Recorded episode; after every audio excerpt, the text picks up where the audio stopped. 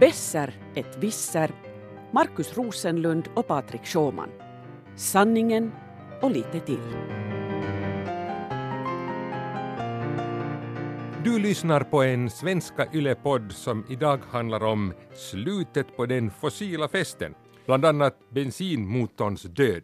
Hör du, ehm, Markus Besser Rosenlund, skulle du i dagens läge liksom våga satsa pengar på en bensinbil?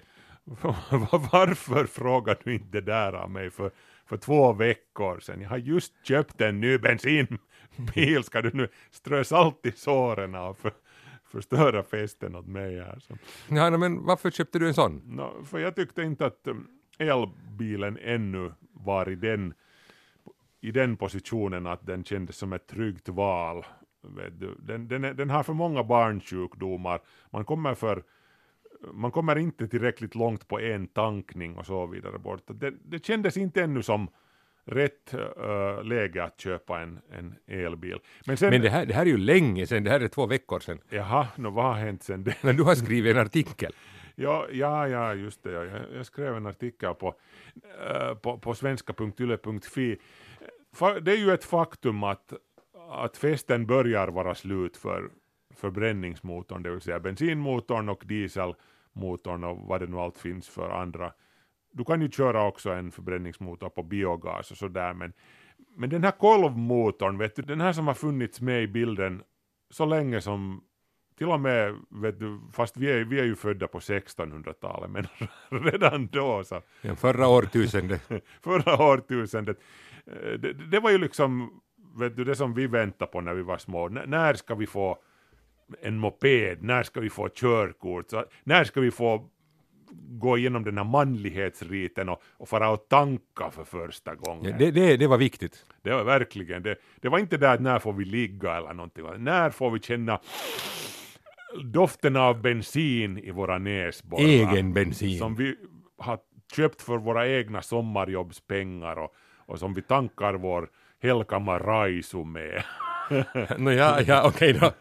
Men, men, nej, men alltså jag har, jag har på sistone läst en hel del uh, bilsajter, tekniksidor och, och facktidskrifter för motorbranschen och, och så vidare bortåt. Det, det är en sak som man inte kommer ifrån när man försöker sondera den här stämningen där, att var, varifrån blåser det? Och vinden håller på att vända, vet du det är inte lika roligt mera. Det, de, de försöker ju förstås marknadsföra sina nya bensindrivna bilar, precis som förr vet du att det här är bättre än någonsin och alla de här fantastiska egenskaperna, men, men den där gnistan finns inte riktigt där mera.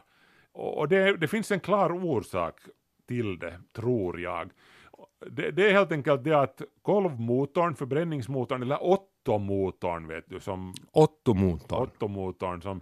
Den här är inte från Ottomanska riket, ändå så nej, gammal är den inte. Utan uh, uppfinnaren, en tysk herreman vid namn Otto tillsammans med en annan herreman vid namn Daimler och sen ännu en herreman vid namn Maybach som 1876 tog patent på fyrtaktsmotorn. Och det är ju det som är det roliga med med det patentet som de tog då att, att du kunde lägga det bredvid en blueprint av en modern turbomotor för en sprillans ny Volvo eller Volkswagen eller vad, vad det nu allt heter. Och det är inte egentligen så jättestor skillnad. De här nya motorerna har, har här blingats ut med en massa elektronik och turboaggregat och vet du, dittan och dattan och det ena och det tredje, men det är i princip samma grej. Daimler och Otto, du, du, du, kunde liksom visa en modern motor, en sprängskiss av en modern förbränningsmotor och de, de skulle genast vara på kartan och veta att okej, okay, där är kolvarna, där är vevaxeln, där är ventilerna, där är etc. etc. Det finns liksom inte så där jättemycket mera som du kan göra med den här eh, kolvmotorn. Det är inte nu, jag försöker inte nu bara liksom predika eh, gröna värderingar här eller någonting men liksom potentialen, möjligheterna med en kolvmotor börjar ta slut. En kolvmotor, alltså en bensinmotor, den är en hysteriskt komplicerad maskin. Vet du. där finns hundratals rörliga delar som ska smörjas, som ska kylas ner, som ska bytas ut med jämna mellanrum och det är ett hysteriskt eh, invecklat mekaniskt pussel som du och jag inte har någon som helst chans mera i det här läget att fixa själva till exempel. Jag, när jag var ung så då bytte jag motor i min gamla Renault 12 hemma i garaget med lite hjälp från min morbror som, som var bra på sånt där. Så, och, och det kunde man göra. Okej okay, att när vi var klara så fick vi en skål med, med skruvar och muttrar över som borde ha suttit någonstans. Men bilen gick i alla fall. Ja, ja, okay, motorn lossade aldrig sen. Nej. Nej. Men det där, eh, efter allt det här utvecklingsarbete som vi håller på med då, tänkte säga sedan 1600-talet eller 1876, så hur långt har vi kommit? Hur mycket bättre har den här motorn blivit? Hur mycket till exempel energieffektivare är den? Hur bra har vi blivit med den? No, den har ju blivit helt otroligt galet mycket effektivare. Alltså, bara om du tänker då när vi var unga i Grankulla på, i slutet av 80-talet, så då var ju en typisk familjebilsmotor på ska vi säga två liter, en Volvo eller en Saab, hade ungefär 100 hästkrafter. Nu har ju en liters motorer 100 hästkrafter. Michelangelo eller Leonardo da Vinci skulle vara stolta över en modern förbränningsmotor. Ja, du, du, säger det, du säger det hela tiden, men, men Markus, jag har nu läst din artikel. Ja. Och, och, och, du jämför med elmotorn, och det är nog inte mycket vi har att komma med där till slut när vi tittar på bensinmotorn, och hur mycket som man egentligen får ut av bensin. Eh, no, ja, ja, det blir värme men, av allting. Menar Verkningsgraden. Du, talar du om verkning? Ja, ja, no, men, ja precis. Verkningsgraden hos en förbränningsmotor är ju kass, kan vi ju säga. Efter allt det här utvecklingsarbetet, vi fortfarande, allt det här fina som du sa, vi är fortfarande kass. Ja, precis. Alltså av bränslet som du sprutar in i en uh, förbränningsmotor så får du ut, uh, om du har en riktigt uh, topptrimmad en dieselmotor så får du ut kanske 40 procent av energiinnehållet i bränslet då i form av rörelseenergi. 40 procent eh, om du har en riktigt bra motor. En, en bensinmotor är sen lite sämre än en dieselmotor. Där är det kanske 30 procent eller så som av bränslet som blir, mm. blir till uh, rörelseenergi. Resten blir till värme. Det far till kråkorna, vet du. Här kommer man inte just så mycket längre. Vet du. Har vi nått väggen? No, vi har nått väggen. En, en bensinmotor är lite som en glödlampa. Den är, den är jäkligt bra på en sak, att producera värme. Det är därför som en bensinbil måste ha en stor kylare för att du måste göra dig av med den där överskottsvärmen. Den är också bra på att göra ljud, vet du. Ja men det ska man inte förakta helt och hållet. Nej, det var ju jättecool vet du, när vi var små. Vi, vi, vi tog ju bort ljuddämparen från vår Helka Maraiso, det var ju häftiga grejer den när den sa Ja, och få kommer mer ihåg ljudet från en Wartburg, det var helt sin egen sak. Men, men det var en tvåtaktsmotor och den, den ska vi inte tala om här nu. ja, eh, men, men jag menar, just så mycket bättre än, än, än, det här blir det inte. Sen går det en massa energi vet du, till alla pumpar och tändsystem och, och dittan och dattan som alla de här parasiterande mekanismerna som finns inne i motorrummet också som ska få också sin energi från allt det där bränslet. Samtidigt har du, vet du, du tar en Tesla eller vilken som helst annan elbil och tittar in under huven, där, en, där finns inte ens en elmotor under huven. Elbilarna har inte sina motorer under huven, de finns i samband med hjulen. Tesla till exempel har en motor på alla, de, alla hjulen, alltså på, den är fyrhjulsdriven, den har en motor i samband med varje hjul.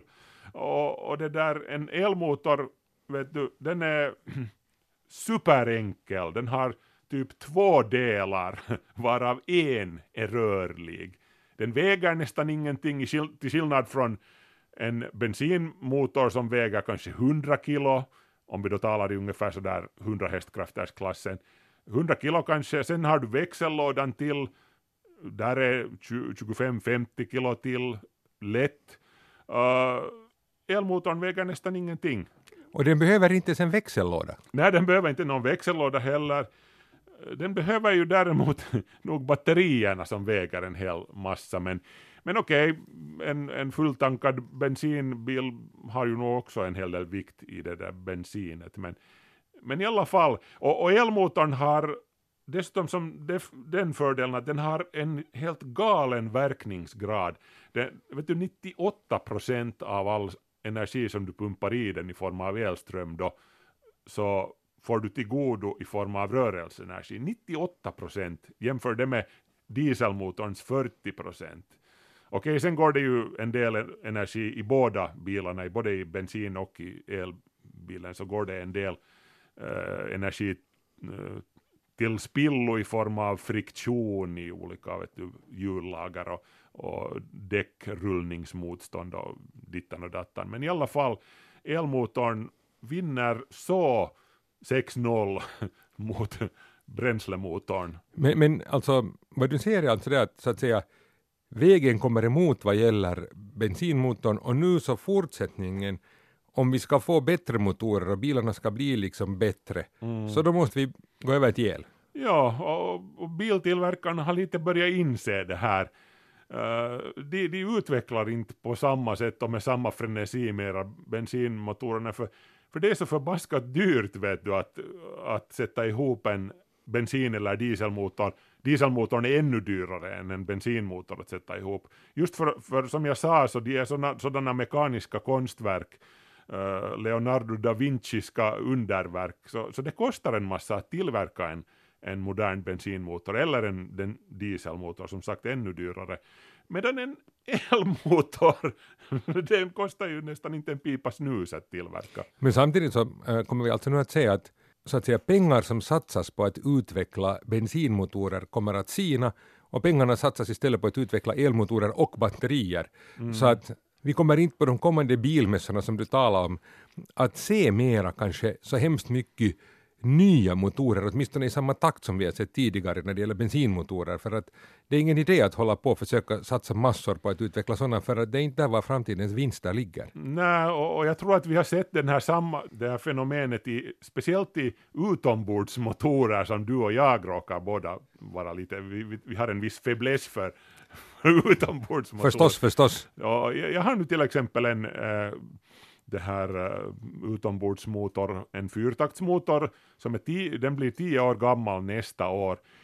Och det är på något vis talande att exakt samma motor, den här samma motortillverkaren saluför fortfarande precis samma motor med precis samma egenskaper, samma mekanik, allting, elektroniken, hela hojton vet du, precis samma sak. Den är bara lite dyrare nu tio år senare, men men precis samma grejer annars. Och, och, lite samma fenomen tror jag att nu har börjat träda in också när det kommer till bilar. Att, att man säljer nu de där vet du, åt, åt massorna som nöjer sig.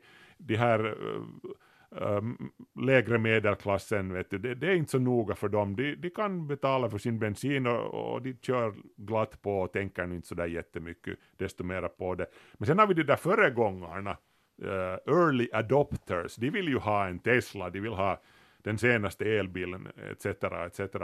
På samma sätt som early adopters, ännu för ska vi säga fem år sedan eller så, köpte LED-lampor när alla andra ännu pynjade på med energisparlamporna som de kallades, vad, vad de nu hette, vet du, de där små lysrörslamporna ja. och glödlamporna. Då, då var det de här nördarna som gick och köpte LED-lampor för en massa dyra pengar för då, då var ännu en LED-lampa ganska dyr att, att konstruera och den var inte satt i system vet du, i stora mängder ännu tillverkades den inte. Så, men, men nu har det ju blivit lika asbilligt att tillverka en LED-lampa som, som, det, som det är att tillverka vad som helst för annan lampa. Och samma sak kommer att hända med, med, med el, elbilar. Det, den här tekniken blir billigare och billigare att massproducera och då kommer sen till slut också, någonstans kommer den där vattendelaren, vet du, när de här lägre medelklasserna etc., de här stora gråa bilköparmassorna, när, när någon kommer ut med, med en folkbil, en elfolkbil för dem, sen, sen tror jag det kommer att rasa helt galet fort, sen kommer bensinmotorn att, vet du, den, blir gammal över en natt. Typ, ja. Och, och värdet sjunker på den. Ja, no, det är det som oroar mig, vet du, för som sagt jag köpte just en en ny, ganska dyr, nej inte vet du, en helt vanlig familjebil, men för mig med min ylelön så var det dyrt.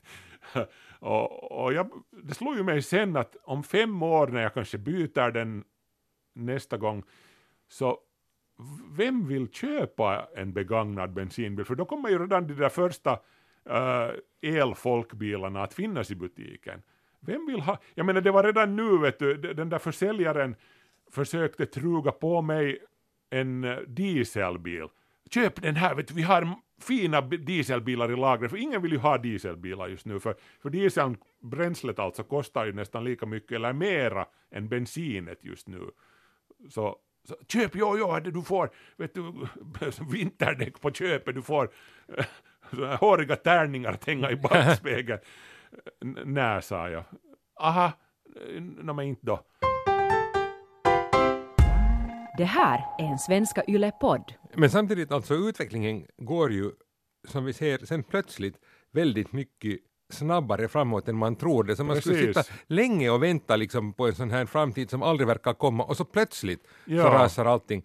Uh, jag måste säga, jag har ju uh, varit, nu när vi för den här diskussionen, så har jag nyligen varit på Slush, som ju är en sån här stor fantastisk teknikmässa som ordnas här i Finland. Och en Slash, av dem... Var, var han inte gitarrist i Guns N' Roses? Nej, det var Slash. Eh, Just det, så nu ska du tänka finländskt väder. Alltså jag måste faktiskt säga, när du nu kör med din den där fina nya bensindrivna bil här i den här slaske här i Finland, så, och du, du vet det här vädret som riktigt är sådär att det liksom kommer ner en massa snöblandat vatten och, och, och de här lamporna verkar fångas i en sorts konstig dimma och rök liksom. Och, ja. och det ligger, samtidigt så är allt svart och lite glansigt och, och, och liksom mörkt och, och på något vis allt ljus försvinner. Just sån är stämningen, där var belysningen och inredningen där på Slush, men, men liksom folk är ju jätteentusiastiska och det har blivit ju en, en helt otrolig rörelse. Jag måste alldeles en liten stund prata, jag tycker man kan sådär en gång i år hålla en liten mässa om Slush. Ja. Det är ju otroligt att vi i Finland har en sån här rörelse där unga människor har skapat, alltså studerande har skapat från gräsrötterna ett evenemang som har blivit liksom så här enormt i världen. 20 000 människor kommer till Helsingfors och där finns massor av uppstartföretagare, massor av investerare. De lyckas faktiskt nå liksom, riktigt de här bästa investerarna de tar sig faktiskt hit och tittar för här är det som händer. Och det är inte något stort företag och har inte varit några stora muskler bakom det utan det är frivillig krafter i Finland. Mm. Att säkert, jag menar, äh, ingenting är ju någonsin så att det är helt perfekt och att allting löper helt som smort och, och de byter ju hemskt mycket organisation förstås för det är ju liksom unga frivilliga så att de hålls ju inte där hur länge som helst i den här organisationen. Men, men liksom, lite måste jag säga att fast vi som journalister alltid måste vara lite kritiska till allt vi ser, så här vill jag lite nog ge en eloge. Fast jag vet, men det har ju haft, för några år sedan hade de sexuella trakasserier där och, och de måste ta i det och det hade lite missat att sköta ordentligt och sådär, men men, men bra har det nog gått, bra har de fixat det och det kommer också om det kommer i framtiden några liksom missar som kommer fram där så liksom bara det att de har fått upp ett sådant här fenomen är, är helt otroligt. Men jag tänkte säga, när du nu talar om den här bensinmotorn så liksom inget ställe är ju som Slush när man ska försöka se nya idéer och nya trender och det här nya som faktiskt så att säga ändrar framtiden för oss. Mm. Och, och, jag vill nu lite lyfta fram här åtminstone en spännande sak där ett bolag som grundades 2016 i Finland faktiskt och det här har man nog, det kan hända att vissa har hört om det för det har redan fått nog en hel del offentlighet. Det är ett företag som heter Sulapak Ja, är det någonting i stil med Tetrapak kanske? Kanske lite, alltså så här. Eh, det som Sulapak gör, att det var några kemister som var forskare som hade undersökt biomaterial i universitetsvärlden och, och började titta på att varför skulle de inte kunna liksom till exempel förnya förpackningarna av kosmetik. Mm. Och det här är just målet är att bli av med plaster. Det är alltså de som fyller världshaven, den här förpackningsplasten som folk slänger mm. ifrån sig. Och de har skapat ett material som är fullständigt bionedbrytbart. Alltså om vi ännu går nu tillbaka till plasterna så det är ju inte nog med det att de faller sönder fruktansvärt långsamt där i liksom haven. Mm. Utan också sen när plaster faller sönder så är det ju så som vi vet att det blir mikroplaster som ja. orsakar en massa problem. Att de bryts liksom inte ner så som vi skulle vilja att de skulle brytas ner bara för att de faller i bitar och blir sköra. Nej, det blir bara mindre och mindre. Ja, men, men nu gör de då ett material som görs egentligen av trä och är fullkomligt nedbrytbart så att det liksom är precis som vilket naturmaterial som helst.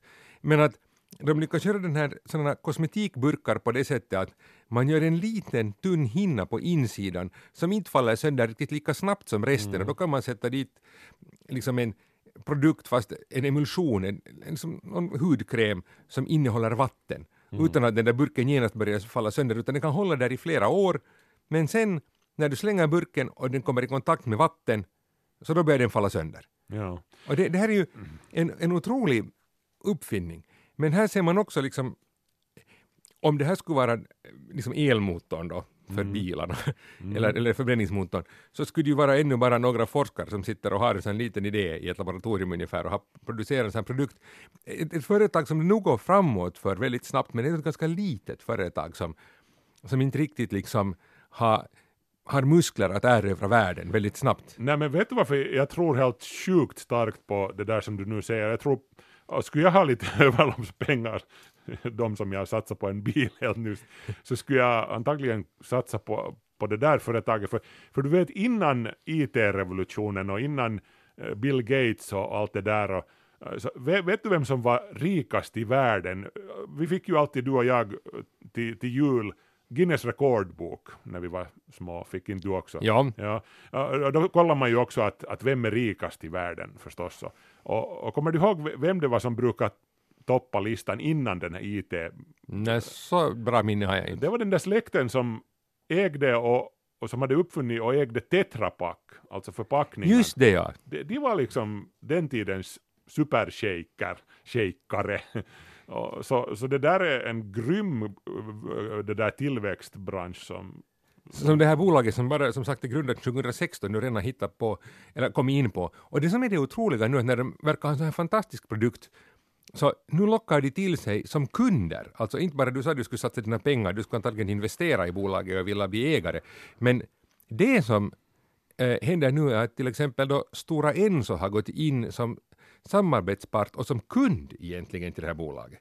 Och liksom köpt den här lösningen och då när, när det här bolaget själv sitter och utvecklar sina burkar för kosmetik så har då Stora Enso beslutat att ännu utveckla den här metoden och lyckas utveckla engångssugrör. Ja. Så att, men det är en produkt som är liksom det används enorma mängder i världen av engångssugrör och just den sortens produkter som liksom hamnar på fel ställen och förstör liksom miljön. Det var, var, det, var det Oxfam i England eller vem var det som uh, uh, det här rankade uh, plastprylar och, och kom just med tanke på hur farliga och dåliga de är för miljön och, och, och de, de utsåg då just engångssugröret till det allra mest uh, förhatliga plastobjektet på jorden just för att du, du använder det i kanske två minuter och så far det raka vägen i soporna.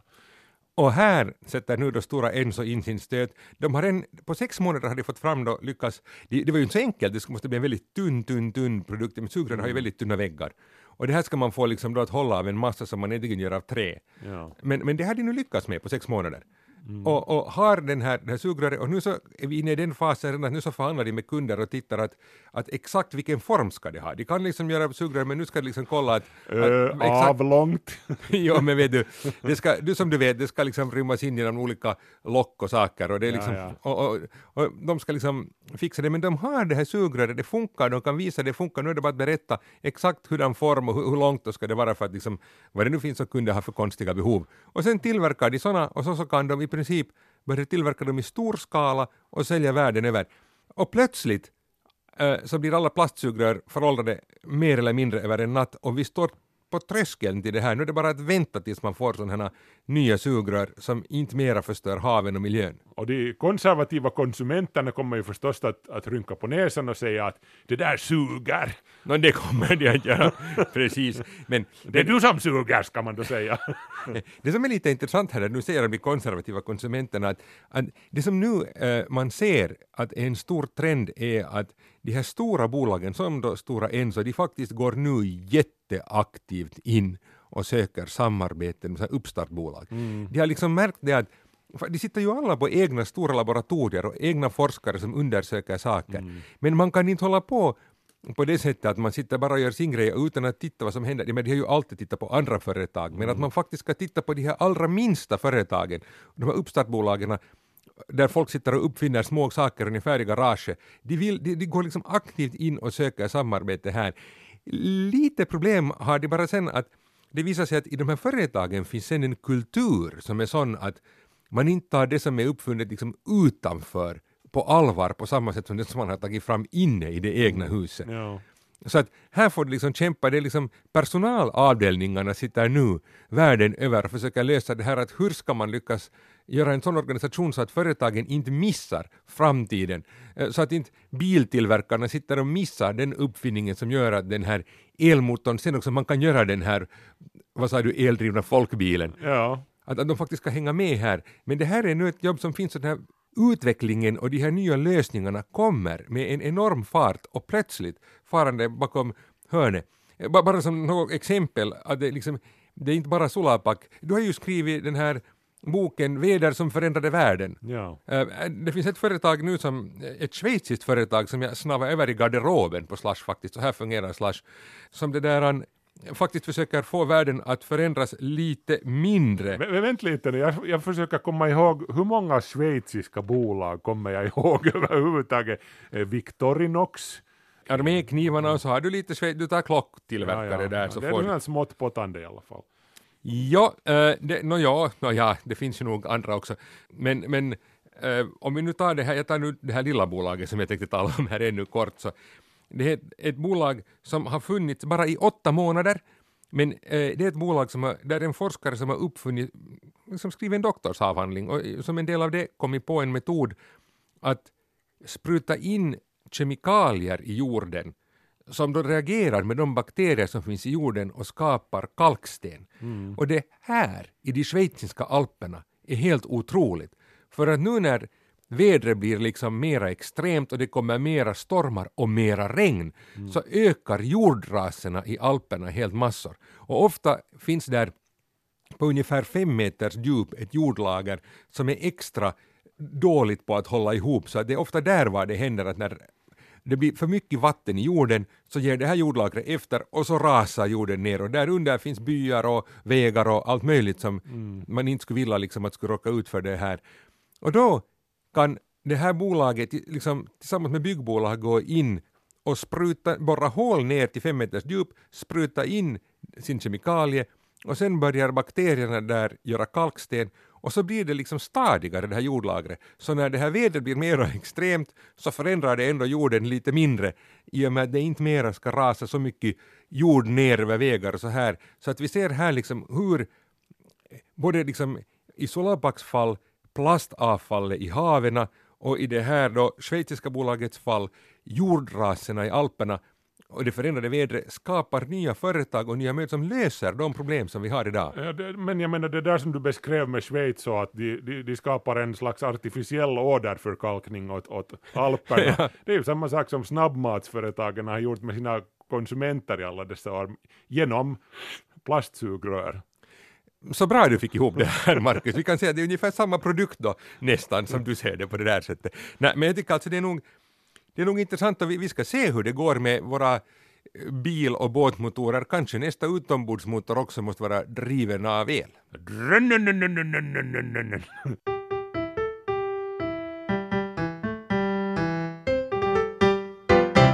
Eh, Du har lyssnat på en eh, svenska Yle-podd med Marcus Besser Rosenlund. Och Patrik Wissar Sjöman. Vi kommer till dig med en bensinmotor, Nå, kanske inte då, Nä. nära dig Nä, nä, nästa nä. gång. Tipp tapp.